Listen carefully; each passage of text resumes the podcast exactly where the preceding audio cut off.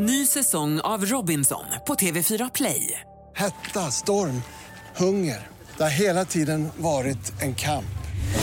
Nu är det blod och tårar. Fan händer just nu. Det. är Detta är inte okej. Robinson 2024, nu fucking kör vi! Streama söndag på TV4 Play. Du lyssnar på poddversionen av senaste nytt från Expressen TV.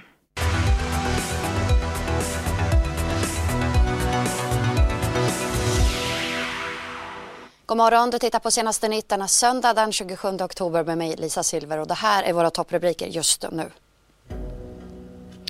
Uppgifter. IS-ledaren dödad efter hemlig attack beordrad av Trump. Fem personer skadade efter frontalkrock i Uppsala. Och kom du ihåg att ställa tillbaka klockan i natt eller hur var det nu igen? Ställer man fram den eller bakåt? Idag gick vi i alla fall över till vintertid. Men vi inleder med uppgifterna som eh, kommer nu här att IS-ledaren Abu Bakr al-Baghdadi eh, uppges ska ha dödats i en räd i Syrien. Det här hävdar amerikansk militär enligt Newsweek. President Donald Trump ska ha godkänt uppdraget en vecka innan det ägde rum.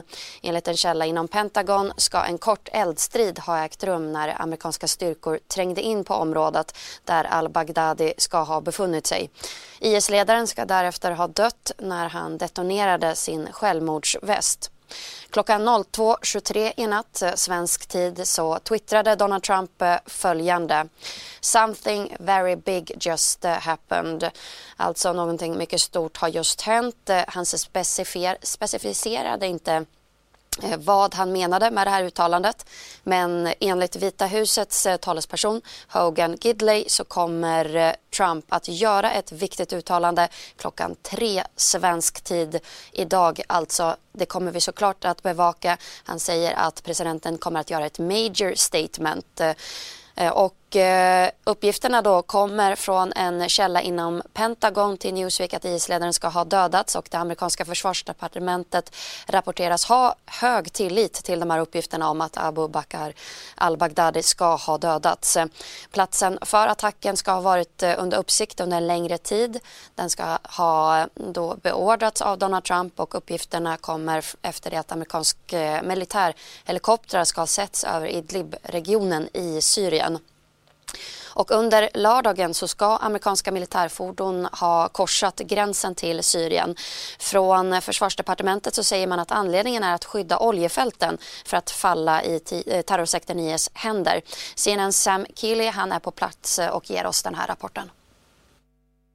More than a dozen American armoured vehicles were seen crossing from Iraq into Syria. It is assumed to make good on the promise from uh, Washington, D.C., from the Trump administration, that they would be heading to protect the oil fields in the uh, south central part of Syria from recapture by the so called Islamic State and from capture by the Assad regime. They will be heading away from where there has been continued fighting, not very far inside Syrian territory, inside the zone that the Turks have said they want to see completely demilitarized uh, following a retreat uh, from the, by the Kurdish dominated Syrian Democratic Forces. Now, those forces continue to clash with uh, militia sponsored by Turkey, and there have been reports of drone strikes or artillery strikes that have killed both fighters and civilians, the Kurds are saying. But this is all against a backdrop of a deadline which falls on Saturday, by which time the Turks are insisting that the SDF, that Kurdish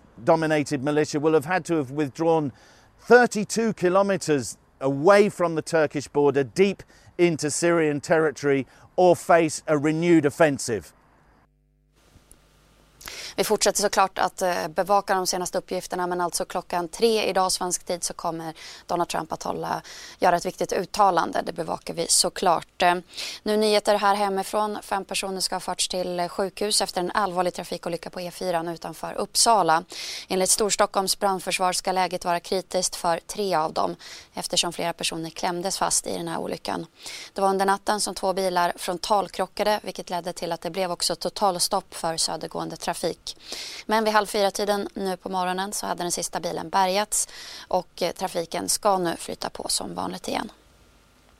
En personbil körde in i ett träd eh, på en landsväg i Bollebygd vid 22-tiden under lördagskvällen. Fem personer befann sig i den här bilen och en av dem fördes till sjukhus med oklart skadeläge. För två veckor sedan så hittades en man skjuten i huvudet i Knivsta. Nu jagar polisen en framgångsrik svensk artist för mordet enligt uppgifter till Expressen. En, en inringare som har eh, larmat om att, att han har hittat en, en eh, kropp eh, i det här området eh, närheten Knivsta. Då.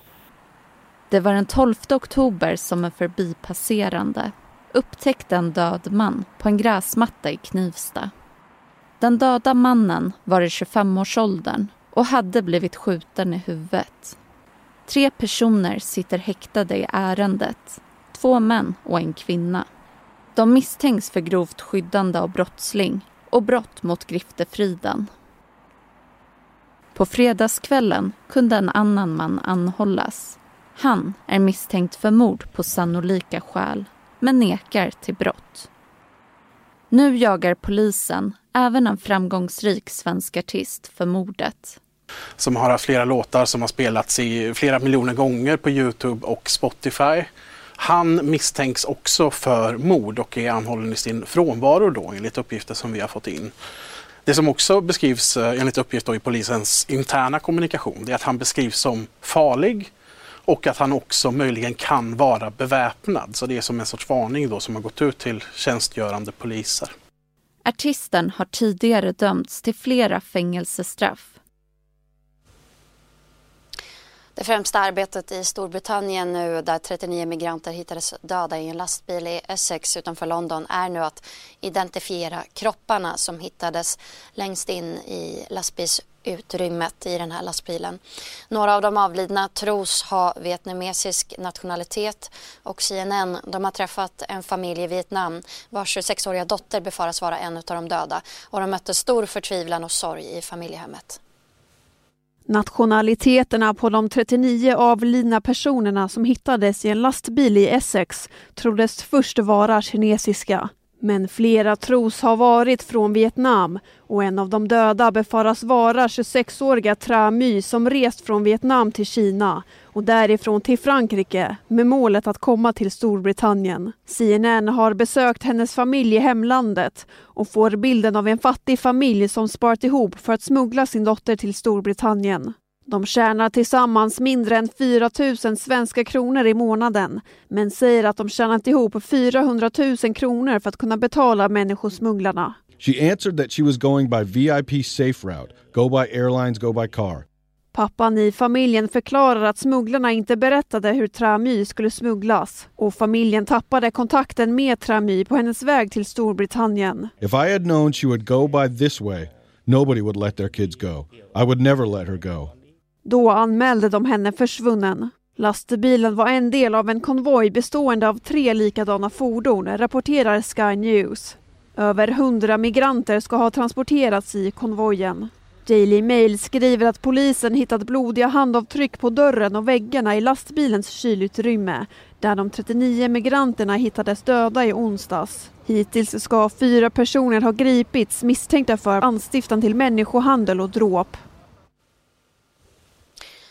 Klockan eh, tre i natt eh, så gick vi över till vintertid igen men frågan är om svenskarna vill ha kvar den här tidsomställningen. EU vill ju slopa växlingen och eh, den kan försvinna från och med 2021.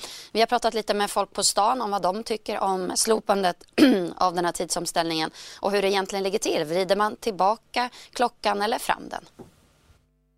Under söndagen kommer vintertiden. Har du koll på om man drar tillbaka eller fram klockan? Att den ska ställas tillbaka är alldeles klart. Baks. Um, man drar ju fram den, vi tappar ju en timme. Så. Mm. Man vrider tillbaks klockan. Tillbaka. Man eh, drar tillbaka tiden. Det är ju att vi ska gå till... När klockan är tre så ställer man bak, tillbaka den till två. Då går vi över till vintertid. Det är också tal om att slopa sommar och vintertid helt. Vad tycker ni om det? Ja, det kan man göra bara vi behåller sommartiden. Ja, sommartid alltid. Långa sköna kvällar. På, på morgnarna är det ändå mörkt. Och enkelt att ha samma, slippa ändra klockan. Alltså jag tycker det är ganska besvärligt med den här timmen som man förlorar på våren. Jag tycker det, den, den känns faktiskt. Det spelar ingen roll för mig liksom. Dag som dag och natt som natt så det spelar ingen roll för mig.